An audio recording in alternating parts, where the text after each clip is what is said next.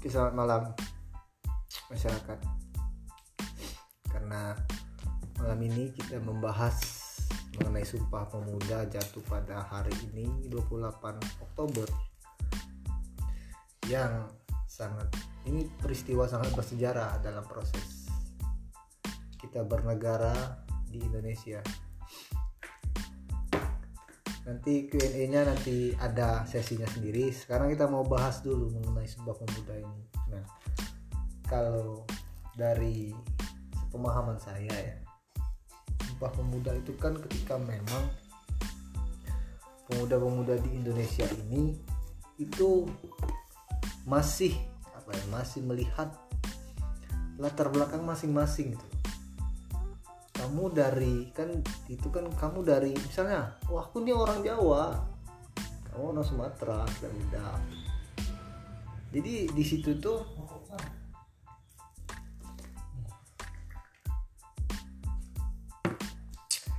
ngomong dulu. Ngomong dulu kok selain tuh satu kalimat gitu jadi di situ oh. muncul muncullah gejolak. Kongres pertama itu kan tanggal 27 gagal tidak terlaksana dan tidak mencapai musyawarah mufakatnya. Musyawarah mufakat. Nah dari situ kan kalau aku lihat tuh, berarti kan pemuda-pemuda dulu tuh masih egosentrisnya tuh masih tinggi tuh masih bawa terbelakang masih bawa ras agama gitu kan. Masih masih sangat sangat egosentrisnya semakin tinggi. Terus kan tanggal 28 itu kongres pemuda kedua dengan eh, dari ini korek. Dengan apa namanya? Dengan peserta dari Jong Sumatera, Jong Batak, Jong Jong Jong Jong Jong itu tadi semua semua latar belakang latar belakang suku tadi mereka kongres sepakat dan bergantilah nama itu menjadi apa ya organisasi. Pemuda apa ya lupa namanya. Itu. Itu itulah sejarah singkatnya. Jadi mereka itu bersatu dengan keresahan terbelakang memandang ras. Jadi mereka bersatu untuk dengan posisi negara kita dijajah juga kan. Bersatu itu. Nanti ada tambahan lagi tapi mungkin kawan saya Bung Majid mau mengasih pandangan nih tanggapan nih mengenai arti sumpah pemuda gitu. Sumpah pemuda apa? Bukan arti cinta ya? Nah bukan arti cinta. Gimana bang? Bung mungkin Bung Hafiz gimana apa tanggapan duluan? Mungkin gini sebelum kita membahas yang lebih jauh eh, saya mau tarik ke belakang terlebih dahulu mengenai sejarah dari Sumpah Pemuda itu dulu ya. Itu ya Jadi eh, sepengetahuan saya juga dan sejauh saya mempelajari tentang sejarah Sumpah Pemu- Pemuda ini, memang betul Sumpah Pemuda diperingati eh, tanggal 28 Oktober. Waktu itu pun Soekarno pada saat Kongres ke-30 kalau nggak salah itu dalam pidatonya menetapkan eh, ada bahasa seperti kalau tidak kalau kalau nggak salah ya siapa pun yang tidak hadir dalam eh, pertemuan kita pada saat pada hari ini itu eh, saya anggap mereka tidak memiliki jiwa-jiwa muda akan bangsa Indonesia itu sendiri kurang lebih mungkin seperti itu. Dan sebetulnya kata sumpah pemuda itu sendiri pun pada awal-awal eh, dibentuknya itu pada pada tahun 1928 itu belum ada kata sumpah pemuda itu dulu itu sebutannya itu adalah putusan kongres. Nah itu belum ada tuh istilah sumpah pemuda tapi baru putusan kongres pada saat itu. Yang di mana ibaratnya eh, bunyi dari petikan utama eh, hasil dari putusan kongres tersebut itu kita tahu ada tiga gitu kan. Yang pertama itu ada kami putra-putri Indonesia mengaku bertumpah darah yang satu, tanah Indonesia. Yang kedua, kami putra-putri Indonesia mengaku berbangsa yang satu, bangsa Indonesia. Dan yang ketiga, kami putra dan putri Indonesia menjunjung bahasa persatuan, bahasa Indonesia. Nah, jadi pada saat kongres tersebut mengamanatkan keputusan itu wajib dipakai di semua perkumpulan kebangsaan Indonesia untuk memperkuat persatuan dan kesatuan kita pada saat itu. Nah, jadi eh, sebetulnya tiga poin putusan dari kongres tersebut itu dibawa ke berbagai forum pada saat itu dan mengalami modifikasi juga meskipun eh, secara esensi itu tetap sama. Dan saat membutuhkan Indonesia muda tahun 1930 jadi e, ceritanya itu kalau nggak salah istilah Sumpah Pemuda itu disematkan justru e, dua dekade sebelum setelahnya. Jadi pada saat 1928 itu belum ada istilah e, Sumpah Pemuda pada saat itu masih putusan Kongres. Nah dua dekade setelahnya barulah timbul bahasa Sumpah Pemuda itu sendiri. Yang salah satu e, apa tuh ibaratnya mungkin kita bisa bilang uh, apa ya yang mempropagandakan istilah Sumpah Pemuda itu adalah RI satu kita pada saat itu Soekarno gitu. Dan tiga semboyan itu adalah tiga semboyan ciri khas gitu yang ibaratnya kalau bisa kita sederhanakan itu semboyan pertama itu ber, berbicara tentang berbangsa satu gitu kan bangsa Indonesia. Jadi uh, apa ya bahasa Inggrisnya bangsa itu? Ya bangsa bangsa gitu. Nation nation nation. oh iya nation ya kalau nggak salah ya. Itu itu berbangsa satu gitu kan. Semboyan keduanya itu bicara tentang bahasa bahasa yang satu. Barulah di semboyan yang ketiga itu kita berbicara tentang letak geografis di mana bertanah air satu ialah tanah air Indonesia. Atau mungkin yang sering disebut-sebut tuh kan eh, tanah ibu pertiwi gitu kan ibaratnya yang sering bahkan ada lagunya juga gitu kan. Nah, eh, pada saat Kongres Pemuda 1949 itu ada eh, era pasca proklamasi kemerdekaan Indonesia, putusan Kongres kedua dibawa lagi tuh. Eh, namun dengan dengan semboyan perjuangan yang sedikit berbeda. Yang isi semboyannya adalah semboyan perjuangan satu bangsa bangsa Indonesia, satu bahasa bahasa Indonesia, satu tanah air tanah Indonesia, dan satu negara. Nah ada tambahan lagi nih satu negara, negara Indonesia. Itu pada saat Kongres Pemuda di 1949. Jadi uh, sebetulnya kalau kita bicara tentang Sumpah Pemuda itu dilihat dari sejarahnya sangat-sangat bisa dibilang sangat-sangat mendalam, sangat-sangat uh, filosofis dan sangat-sangat kental akan uh, perjuangan bangsa yang dijajah pada saat itu dan pemuda lah yang membawa atau membakar semangat masyarakat Indonesia atau bangsa Indonesia pada saat itu untuk ayo merdeka gitu kan. Revolusi mungkin kan pada saat itu. Bahkan pada saat itu juga Soekarno pun mendukung penuh akan semangat pemuda yang disampaikan dari tahun 1928 tersebut gitu kan. Dan itu tercetus tuh pada saat uh, ada sebuah kongres mungkin ya ada atau pidato Soekarno yang di hall apa gitu lupa saya juga e, namanya dan lagi lagi-lagi selama Soekarno menjabat pun e, Sumpah Pemuda ini menjadi tren menjadi menjadi apa ya simbol menjadi e, satuan acuan yang padu untuk pemuda Indonesia pada saat itu bergerilya produktif progresif melawan penjajahan yang ada. Nah gitu. Jadi eh, mungkin kurang lebih itu. Sejarah, sejarah. sedikit banyak ya sejarah yang bisa saya sampaikan ya. Dan kalau misalnya ada yang kurang atau yang miss itu mungkin bisa dikoreksi bareng-bareng lah nantinya kita. Sama-sama. Mungkin itu. Gimana? Bung Majid ada tanggapan atau pernyataan? Ya berbicara sumpah pemuda di situ ada makna yang diselipkan apa makna itu jadi seperti yang Bung Hafiz jelaskan mulai dari sejarah sampai terbentuk sampai tercapainya suatu apa tercapainya sumpah itu kan eh, ada beberapa tahap-tahap yang dilalui. Ini terjadilah sebuah apa sebuah suatu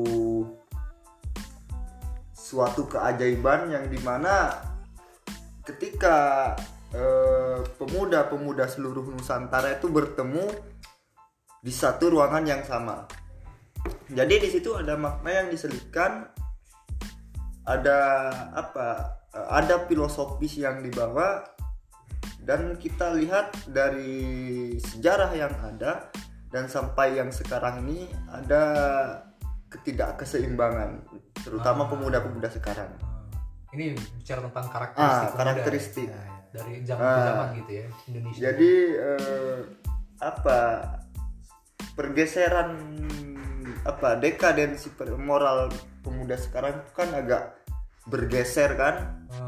Hanya dari yang Mas Reja tadi bilang tuh mereka apa masih ter apa terbatas dalam suatu lingkup. Contohnya misalnya saya anak Sumatera, saya anak ibu kota, anak Jakarta lah dalam artian ibu kotanya. Saya anak Jakarta, kalian anak eh, Sumatera Sumatera misalkan. Sapeken. Jadi eh Sapeken dan pulau-pulau lainnya. Jadi mereka sering menonjolkan sesuatu yang tidak sepantasnya ditonjolkan.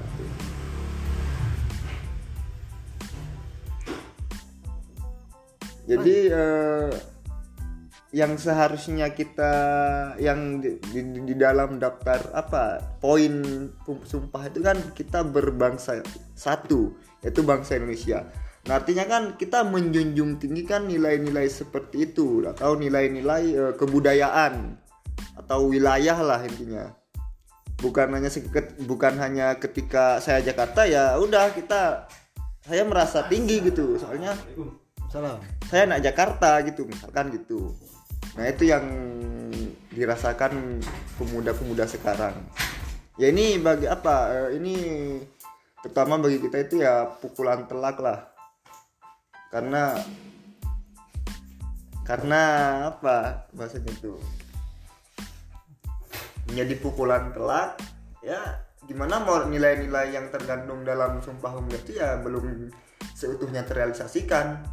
Benar dan juga sebenarnya gini kalau ngomongin pemuda tuh ya apa sih yang jadi krisis seolah-olah krisis pemuda ini akan kayak let's say ibaratnya krisis identitas gitu kan kan eh, bahkan ada istilah ibaratnya quarter life crisis gitu kan yang sering kali eh, korbannya itu adalah pemuda-pemudi gitu loh ibaratnya kan. Ya seolah-olah krisis akan identitas atau mungkin bisa dibilang quarter life crisis ini terpelihara gitu loh bagi bagi pemuda bangsa Indonesia ini. Kira-kira apa ya yang jadi sebab akibat dan terpeliharanya penyakit ini mungkin bisa dibilang gitu menurut kalian? Kalau aku sih melihatnya pribadi itu lagi-lagi kita berbicara apa setiap eh, zaman kan ada ceritanya masing-masing. Hmm. nah itu pasti apalagi kita sekarang ini kan yang katanya milenial itu ya kita mm, kenapa terjadi sesuatu hal seperti itu? Ya karena konteksnya apa? Karena sekarang kan kita dituntut untuk lebih apa bahasanya Dede itu. Karena perbedaannya gini ya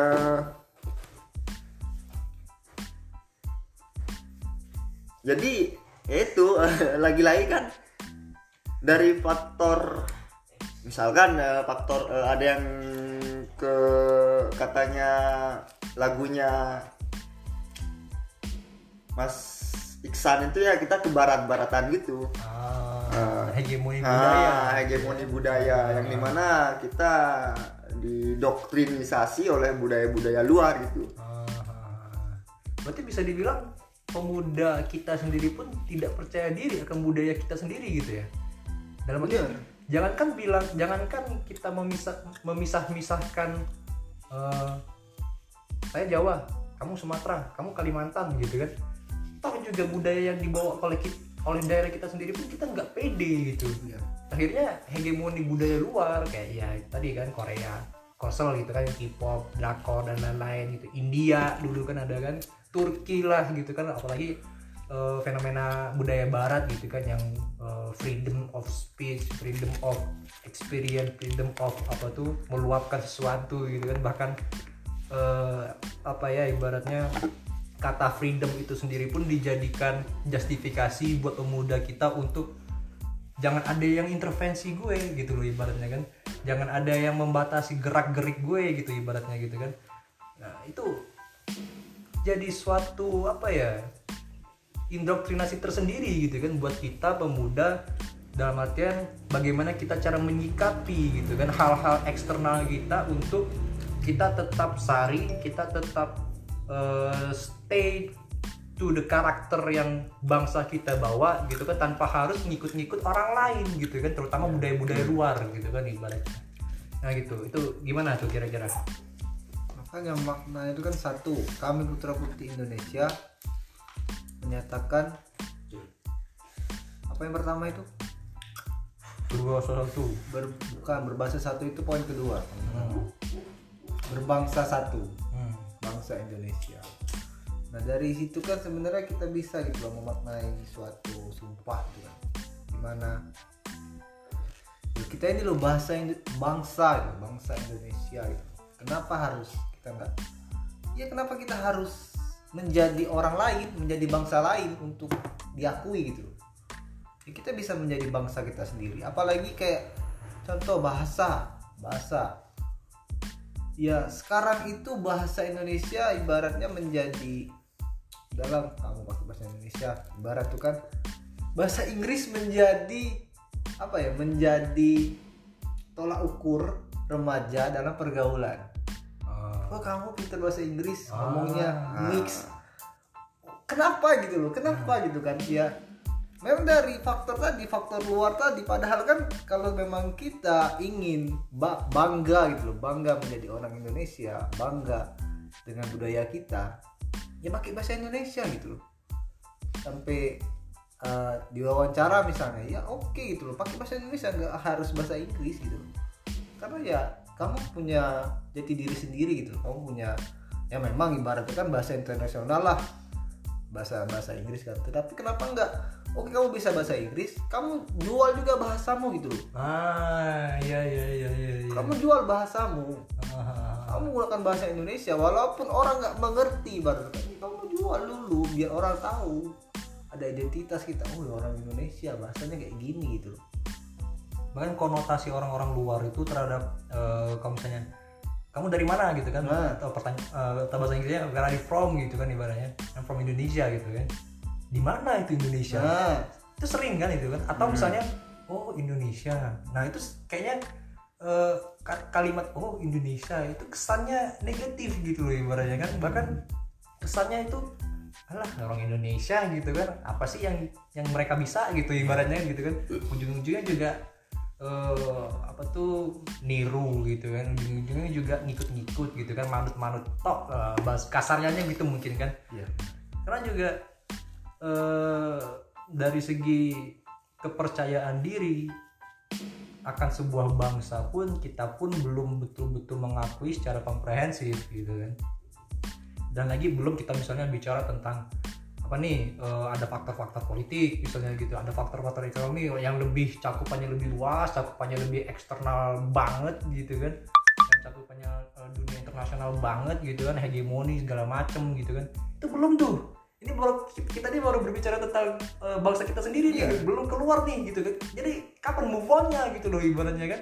Itu juga jadi suatu kemirisan tersendiri nih jadinya eh, buat kita pemuda-pemuda pada zaman sekarang gitu kan. Lagi zaman sekarang gitu kan. Era digital era, era modernisasi gitu kan. Bagi bangsa yang atau negara yang eh, masih berkembang walaupun Amerika bilang kita maju gitu kan. Iya nyatanya kita masih berkembang gitu kan. Ya bagi negara yang masih berkembang gitu kan PR akan identitas negeri ini sangatlah eh, besar sangatlah urgent sangatlah eh, butuh penguatan justifikasi yang holistik gitu kan. Gimana Bung Maji? Apa eh iya seharusnya kan ini bagian tugas negara eh, tugas negara dan sebagian besar tugas kita bersama juga selaku pemuda Indonesia. Ya kita harus sadari juga kemerosotan kemerosotan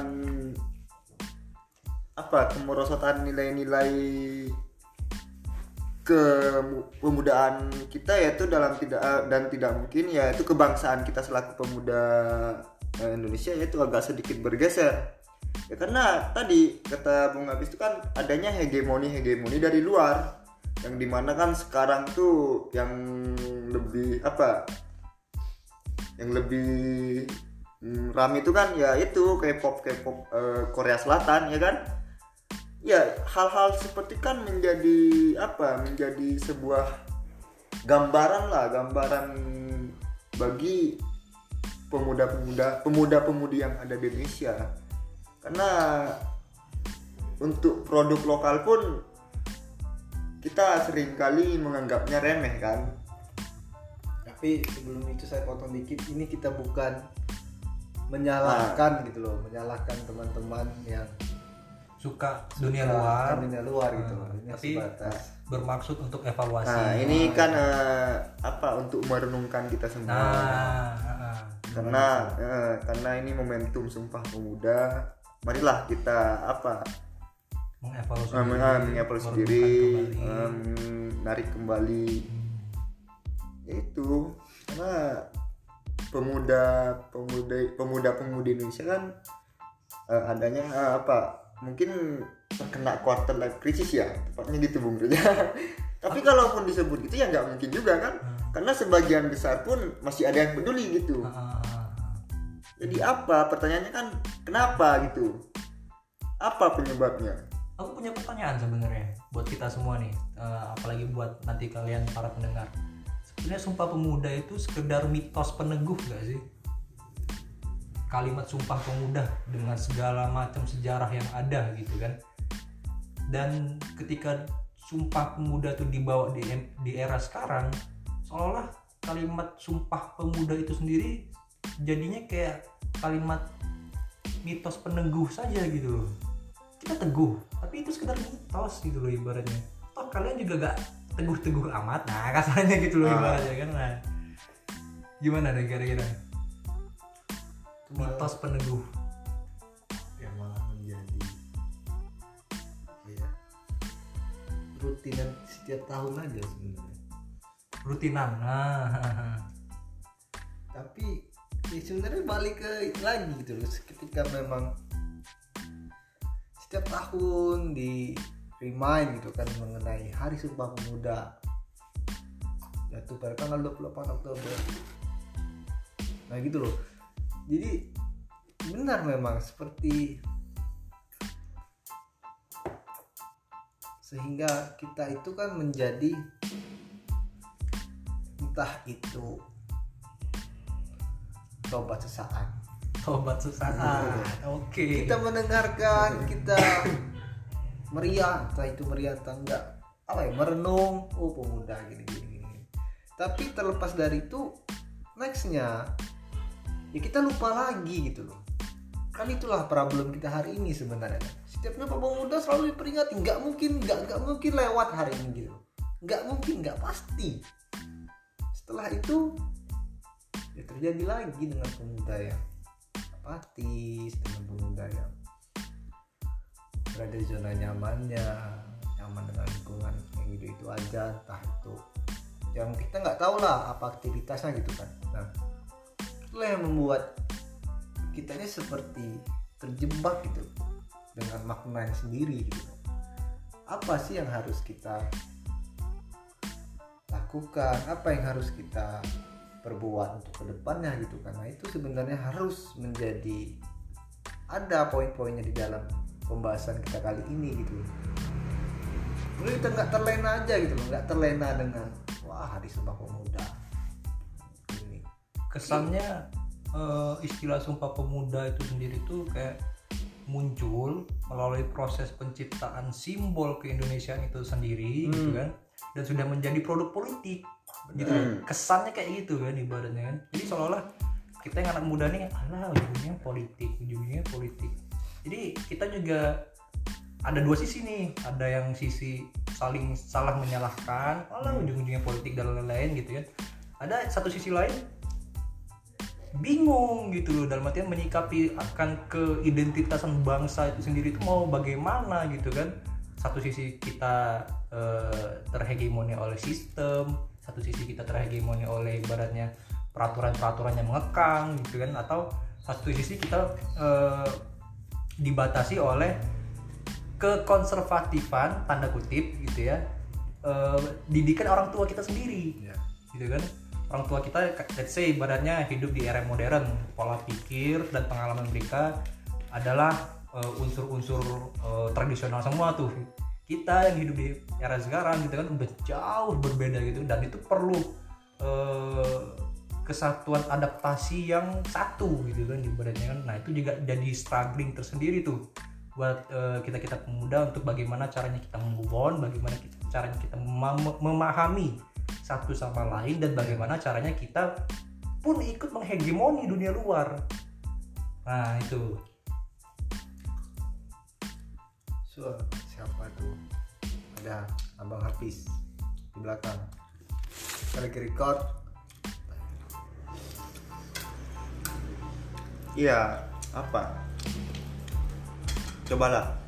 Sumpah pemuda ini kita eh, apa? Kita renungkan kembali. Biar apa?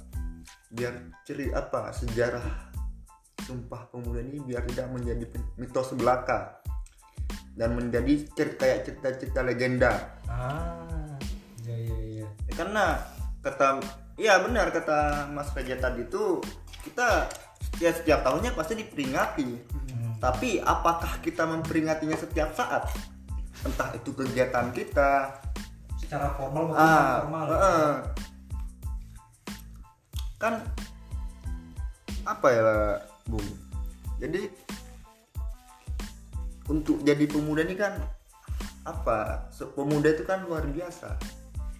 Yang di mana kita tarik lagi sejarahnya kan yang top apa pendiri-pendiri toh nggak pendiri bangsa ini kan ya tidak mungkin kan para pemuda Nggak lepas dari perannya pemuda. Nah, perannya tadi. Peran pemuda itu tadi dalam proses kita ini. Karena dan aku juga ini sedikit apa ya sedikit bingung ketika di berbagai tempat itu masih ada memang. Pemuda itu malah tidak dikasih peran dalam proses bermasyarakat. Sehingga ya masih banyak pola pikir orang-orang tua yang di tempat-tempat balik di bagian tempat itu malah berpikir udahlah kamu masih muda. Tahu apa sih? Tahu apa sih? Pengalaman lo belum ada. Nah padahal Jadi- belum tentu ya kan Nah, benar itu. Jadi sehingga itu kan membuat pemuda itu malah kita nih menjadi krisis kepercayaan satu sama lain gitu loh. Ah, Antara orang tua, antara pemuda itu malah krisis kepercayaan, malah sikut menyikut saling menyalahkan. Kenapa nggak coba mengerti, coba tahu, coba dikasih waktu gitu loh, dikasih kesempatan, dikasih arahan dikasih arahan. Karena sayang banget gitu loh ketika memang pemuda yang dengan tingkat produk produktivitasnya tinggi katanya itu kan nggak di benar-benar dirangkul atau dilibatkan dalam proses bermasyarakat itu kan sangat sayang sekali gitu mungkin bisa dibilang juga eh, krisis pemuda kita saat ini adalah mengenai depolitisasi dan deideologi. Jadi eh, depolitisasi itu seolah-olah eh, melepaskan hal-hal politis, terus deideologi itu melepaskan hal-hal yang berbau ideologis. Dan seperti yang kita tahu kan ibaratnya zaman-zaman era perjuangan dulu, zaman-zaman era kita melawan penjajah dulu, politik dan ideologi itu kan sangat kental sekali gitu kan dengan masing-masing karakter yang dibawa gitu kan, dengan masing-masing let's say tokoh-tokoh ternama kita gitu kan nah untuk sekarang misalnya terlalu kepolitisan banget tapi miskin ideologi yang akhirnya juga miskin imajinasi. Ya enggak karena juga eh, mungkin mungkin mungkin eh, ada satu kalimat nih yang Karl Marx bilang eh, kalau nggak salah itu kalimatnya itu mengenai tentang kesadaran palsu di mana eh, akibat dari depolitisasi akibat dari deideologi lahirlah pemuda-pemuda yang hipokrit atau munafik. Ngomongnya sadar ngomongnya tahu ngomongnya paham ngomongnya memaknai tapi kesehariannya nihil. Nah itu menjadi ibaratnya eh, tolak ukur evaluasi yang besar menjadi tolak ukur eh, perenungan yang dalam menjadi tolak ukur di mana kita harus survive survive dan fight for our spirit. Gitu kan? Nah itu. Persatuan itu bukan harga mati tapi harga hidup. Kalau hidup tidak sejahtera dan tidak adil apakah mau ngomong persatuan? Nah, kan gitu kan ibaratnya kan? Nah, gimana tuh gitu, gitu.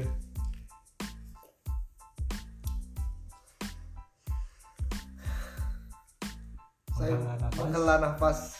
panjang ini karena dinamika seorang pemuda kita semua itu hari ini itu sangat sangat sangat wow sangat sangat mantap untuk dinikmati dengan banyaknya dengan lancarnya informasi yang masuk dengan banyaknya hal-hal yang mudah didapat apa pun itu kita menjadi pemuda yang terombang ambing bagi terombang ambing kita nih. kita nggak tahu mau ngapain. Gak ada yang merangkul. Nggak ada merangkul. Gak ada yang mengarahkan. Minimnya mengingatkan. Gitu. krisis kepercayaan. Kepercayaan juga krisis ya buru-buru mau negur eh kamu salah harusnya yang gini. Buru-buru mau gitu ibaratnya. Yang ada malah kamu salah titik. Akhirnya kita juga secara mental secara psikis gitu kan mau ngapa-ngapain tuh takut padahal belum nyoba. Nah gitu kan ibaratnya itu berdampak juga tuh. Ya kalaupun berbicara itu tugas kita diri apa tugas diri kita sendiri kan kita harus benar-benar kaji mengkaji lagi. Apa yang kurangnya dari kita? Karena ya lagi eh, kita sadar kita sadar kan? Karena adanya kekurangan dari kita. Tapi ya itu tidak ada yang merangkul. Nah seharusnya kan eh, benar kata Mas Reja tadi seharusnya kita eh, diikut sertakan dalam suatu kegiatan kegiatan yang bersifat kemasyarakatan. Biar apa? Eh, karena eh, biar pemuda-pemuda sekarang tuh ya kita juga bisa mempres apa mengaktualisasikan diri hmm.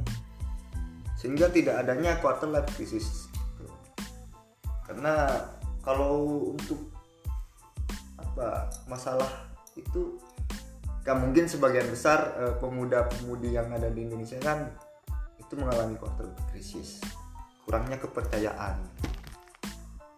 Jadi kalau eh, eh, suatu apa kurangnya kepercayaan pasti ada penyebabnya kan? Itu lagi balik lagi. Mereka berpartisipasi nggak dalam mengaktualisasi diri? Dalam melakukan kegiatan-kegiatan? Jangan jadi pemuda yang ngangguk-ngangguk tok tapi sesekali, sesekali perlu menggeleng-geleng gitu kan ibaratnya. dan menggeleng-geleng pun juga itu sebagai bahan evaluatif gitu kan. Sebagai bahan untuk apa nih salahnya? Oh berarti kita harus kayak gini nih. Nah gitu kan ibaratnya. Jangan jadi pemuda bucin. Bucin. bucin terhadap negara bagus. Nasionalis Nah, jatuhnya kan nasionalis jadinya. iya iya iya iya iya kalau bucinnya nggak jelas lah itu harus dipertanyakan lagi. Ya. negara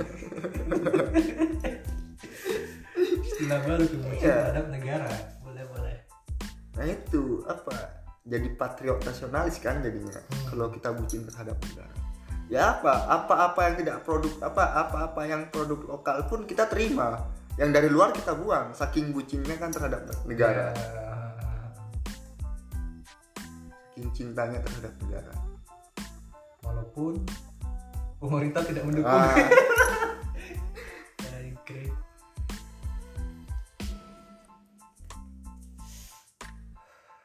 makanya jangan heran aja ketika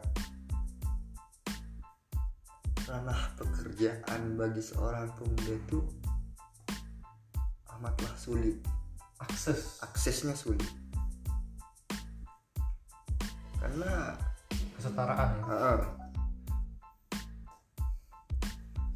karena lagi baik kan kesetaraan. Kecuali punya orang dalam mungkin ya. Orang dalam selalu benar. Orang dalam selalu dibutuhkan di Indonesia.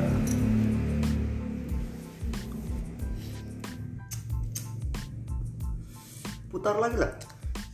Ntar lagi ya kalian wajib sebenarnya dengerin kita ini. Untuk podcast ini ya. Hmm. karena sangat sayang ketika kalian menganggap ini sampah. Memang ada beberapa bagian yang sampah. Tapi banyak juga yang bermaknanya. Itu sangat menarik. Aku aku. Oh, lanjut lanjut Kita- siapa yang nonton? Kita lagi ur-uran guys. Kalau bahasa Malang itu ur gitu ya hmm, bahasa umumnya cheers. Ya momentum momentum seperti ini kan apalagi nih momentum sumpah pemuda. Kita perlu merefleksikannya lagi merenungkan kembali. Ini ada yang nitip pertanyaan sama saya. Ya apa tuh pertanyaannya?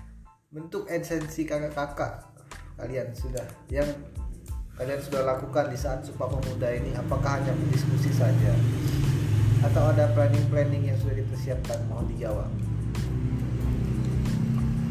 esensi esensi kakak-kakak kalian esensi. Sebenarnya sebenarnya ini kita mengajak gitu. Ya kita ini kita mengajak.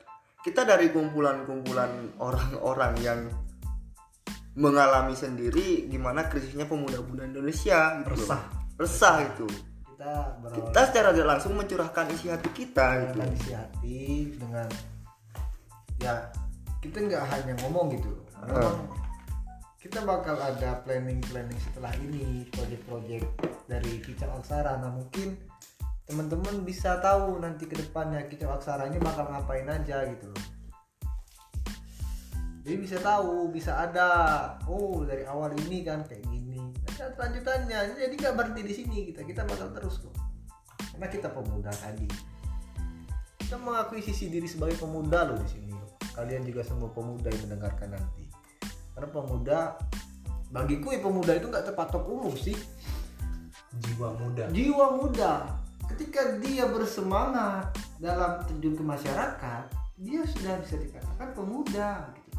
Nggak harus dengan umur nggak harus dengan siapa dia gitu tidak ada tolak ukur tidak pasti. ada ya. tolak ukur pasti. Jiwa muda yang begitu, jiwa Jiwa yang begitu, Pak. benar itu. Katanya lagu Bang Haji Roma Irama itu kan masa muda masa yang berapi-api kan? Tuh. masa yang berapi-api. Ketika memang partisipasi dia terus terhadap masyarakat pembangunan masyarakat di masyarakat ya dia pasti pemuda bagiku.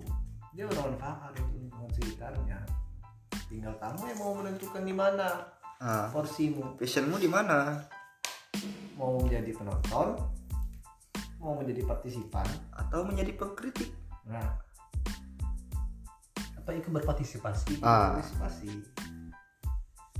kita tentukan saja. Ini matikan saja lah. Mau suaranya itu.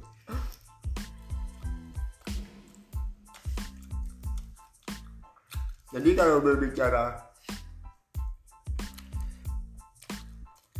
apa yang kita sudah lakukan yang jelas tidak ada. Tapi kita sadar gitu loh. Enggak kalau memang ibarat tuh kita nggak perlu deh ngomong kamu melakukan apa? Enggak Hmm. nggak usah kayak gitu ibarat tuh. Kita nggak usah saling sombong mengenai apa yang Hmm. dilakukan gitu loh. Nggak perlu memperlihatkan aku loh Iya. pernah gini gini nggak gini. perlu sebenarnya karena kita harus tahu gitu loh peran kita ini di mana sebagai pemuda gitu loh. Exactly. Betul Gak harus saling saling menyalahkan tuh udah Hmm. nggak nggak- nggak usah lagi baru kita hanya saling menjatuhkan gitu. Gak usah lagi kita saling senggol sama menyenggol jadi kita harus tahu gitu loh peran kita ini di mana saat ini. Harus berperan di mana? Banyak kok ibarat tuh saat ini kan sudah organisasi pemuda yang tersebar. Gitu loh. Banyak kok organisasi pemuda yang memang pure gitu loh bergerak untuk masyarakat dan kita lagi yang dan memilih ini satu dik Dua,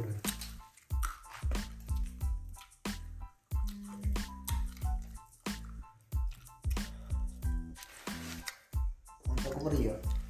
Sesuatu ini Indra. Gimana? Ada pertanyaan lagi nggak yang, yang perlu kita jawab kita evaluasi bersama. Ini cara nggak langsung kita udah masuk sesi tanya jawab gitu ya. Ah. karena karena kita juga ini sembari melakukan podcast sembari melakukan IG live. Gila kedua. Hmm. IG live di akun salah satu pembicara yaitu Reza Permanda. Kalian bisa cari nanti di IG gitu Reza Permanda ngomong-ngomong ini kan apa? Ngomong-ngomong ini kan eh, apa? Awalan dari Coksara ya? Iya. Kicau aksara itu nah ini mungkin sedikit. Kalau kawan-kawan nyaman dengar ini pasti sampai akhir aku yakin pasti mendengarkan yang aku bicarakan. Kicau aksara itu kan suatu entah entah suatu project dari kita kita yang menamakannya itu kicau aksara. Nanti mungkin insya Allah lah ya. Kalau memang kita konsisten terus kita masih konsisten ini. Kita konsisten. Sudah banyak hal sudah banyak. Kita bakal melakukan hal-hal yang yang nggak bakal itu sia-sia gitu. Banyak kita tuh tanpa sadar sebenarnya banyak hal-hal itu yang bermakna jadi kita tuh harus bisa mengkemas gitu mengkemas sesuatu hal itu yang menjadi yang bermakna dan bisa di share ke kawan-kawan sekalian gitu. Sayang banget gitu ketika memang kayak gini ngobrol. Ya kalau nggak di share ya udah habis di kita bertiga aja kita bertiga aja yang dapat pengetahuan baru lagi. Makanya kita share ini ke kawan-kawan sekalian biar kawan-kawan tuh tahu juga gitu ada juga wawasan lagi menambah wawasan baru tidak ada hal yang tidak bermakna. Iya kita intinya kan di sini sama-sama belajar gitu. Nanti setelah mendengarkan ini kalau mau berdiskusi ya silahkan gitu kan. Bisa dihubungin di instagramnya kita Otsara. Bang mau ngobrol nih bang? Oke kita Atau ada request tema ada tertentu. request tema tertentu bang. Bahas ini bang. Oke kita bahas nanti. Karena keresahan kita ini mungkin sama gitu sama semua pemuda itu pasti ngerasain keresahannya sama. Tinggal kesadarannya lagi gitu. Gimana gitu kita mau melakukan? Kesadaran untuk mengeksekusi. Nah. Hmm. dan cara mengemas eksekusi itu menjadi suatu hal atau produk yang mewah. Yang tidak biasa yang tidak umum yang tidak mainstream tapi tetap bermakna dan nyentuh ke semua aspek semua lini gitu kan? Aduh. Eh, Oke balik lagi ke Sumpah Pemuda tadi ya ke tema Sumpah Pemuda. Saya ada tadi cukup menarik melihat status kawan saya itu di mana dia buat status tuh sebagai pemuda kita tidak eh, jangan sampai terikat garis keturunan. garis keturunan Nah, jadi eh, saya eh, melihat di situ artinya kan kita harus berusaha sendiri gitu. Kan sekarang itu kan eh, ya sorry aja kalau dari keluarga yang tidak mampu dia tidak banyak apa banyak andil di situ hmm. karena keterbatasan itu. terbatas Ah. saya ruang gerak Ah, tapi untuk yang bagi mampu yang berada itu dia gampang gitu nah makanya kawan saya mungkin status demikian buat status demikian ya mungkin dari keresahannya aja ketika ada suatu mungkin tuh ada suatu orang yang dari keluarga berada itu mencoba untuk eh, membanding-bandingkan dirinya sama kawan saya ini. Yaitu sebagai pemuda kan kita harus mandiri juga. Yang seharusnya bersama-sama. Ah merangkul gitu menarik aja saya lihat tadi tuh apa dari status kawan kawan saya dan kalau ngomongin digital juga sebetulnya eh, ini jadi suatu mungkin bisa dibilang fenomena gitu ya karena era digitalisasi ini kita pun belum menemukan hasil kesimpulan yang konkret akan pemaknaan fungsi dari apa yang seharusnya dilakukan di era digitalisasi yang sedang terjadi saat ini. Karena juga eh, nggak jarang eh, orang-orang baik itu eh, di semua kalangan lah gitu, di semua aspek, di semua lini, nggak jarang mereka ada yang ibaratnya terlalu mencurahkan sesuatu di media sosial yang akhirnya ber- berakibat negatif buat dirinya sendiri ada juga yang mencurahkan mungkin bisa misalnya kayak semacam hate speech gitu kan untuk eh, mengkritik atau bahkan mencaci maki orang lain yang ujung-ujungnya ber- berakibat pada dirinya sendiri dan orang lain tapi di sisi lain ada juga orang-orang yang eh, memanfaatkan era digital ini untuk membuat suatu karya yang masterpiece Nah, tinggal bagaimana kita balik lagi menentukan pilihan nih. Mau kita eh, memakai atau eh, memanfaatkan era ini sebagai hal yang positif atau kita pakai era ini yang sebagai ya udah ala kadarnya aja gitu ibaratnya kan. Yang penting apa yang aku lakuin, aku punya kepuasan di situ. Bodoh amat dengan orang lain. Nah, itu jadi pilihan tersendiri buat kita gitu kan. Dan terlepas daripada ibaratnya kan eh, informasi yang masuk pada media sosial dan lain-lain itu kan banyak banget gitu kan susah banget kita untuk eh, memfiltrasi itu gitu kan.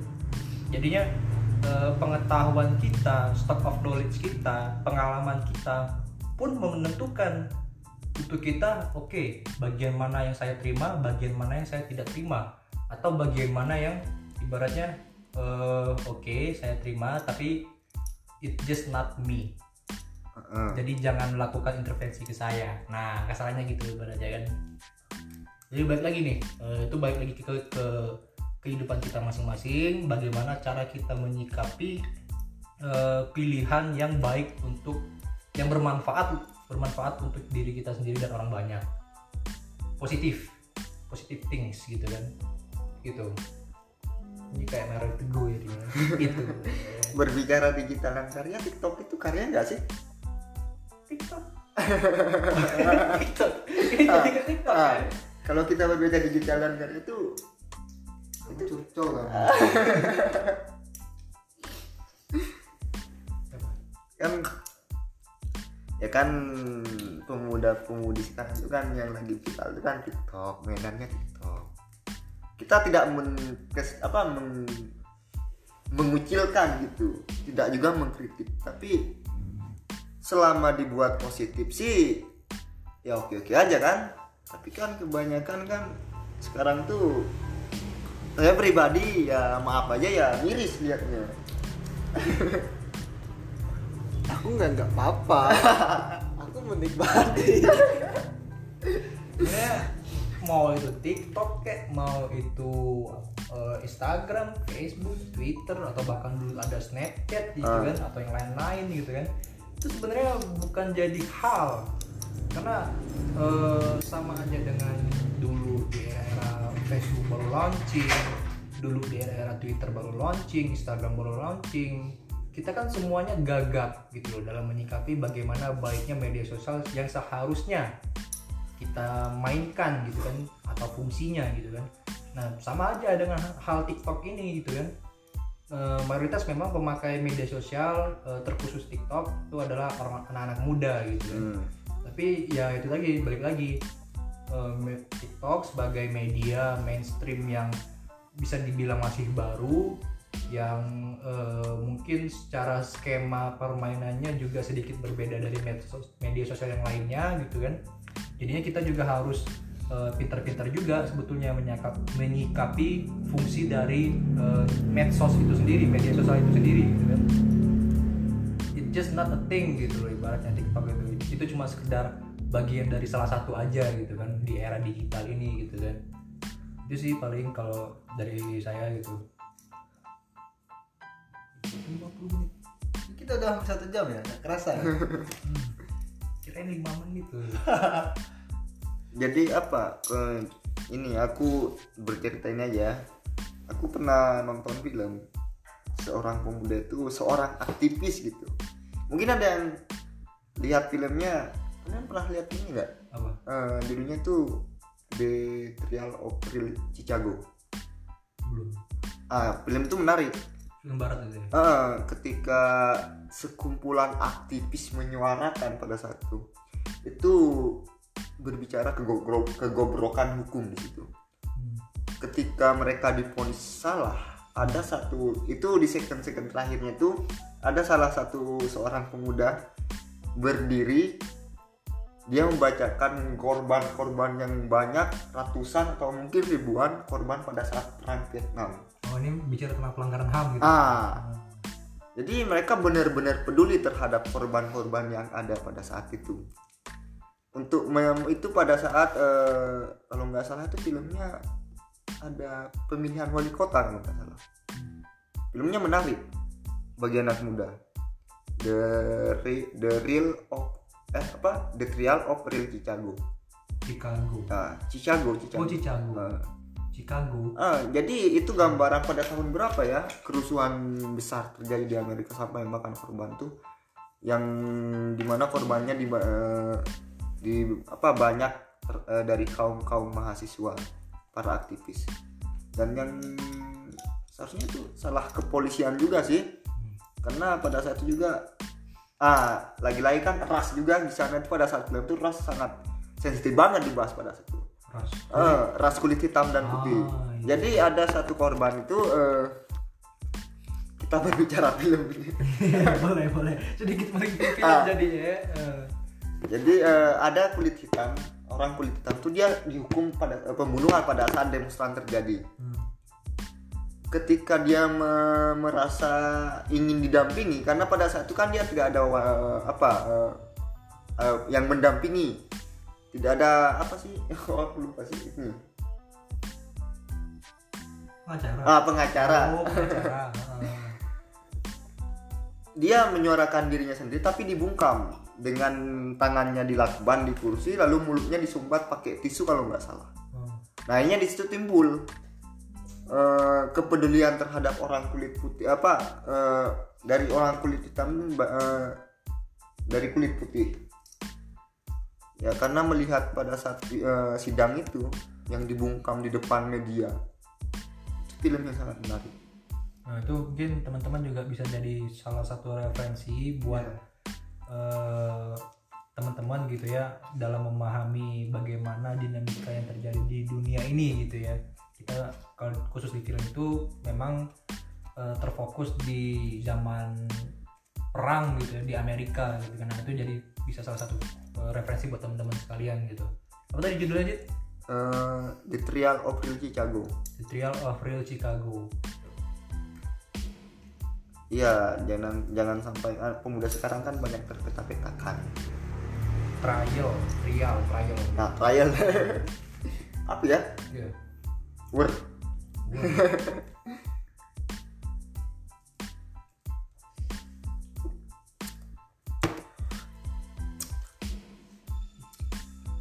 Mungkin ada closing statement dari Bung Reja atau Bung Agus? Eh, karena ibaratnya udah hampir satu jam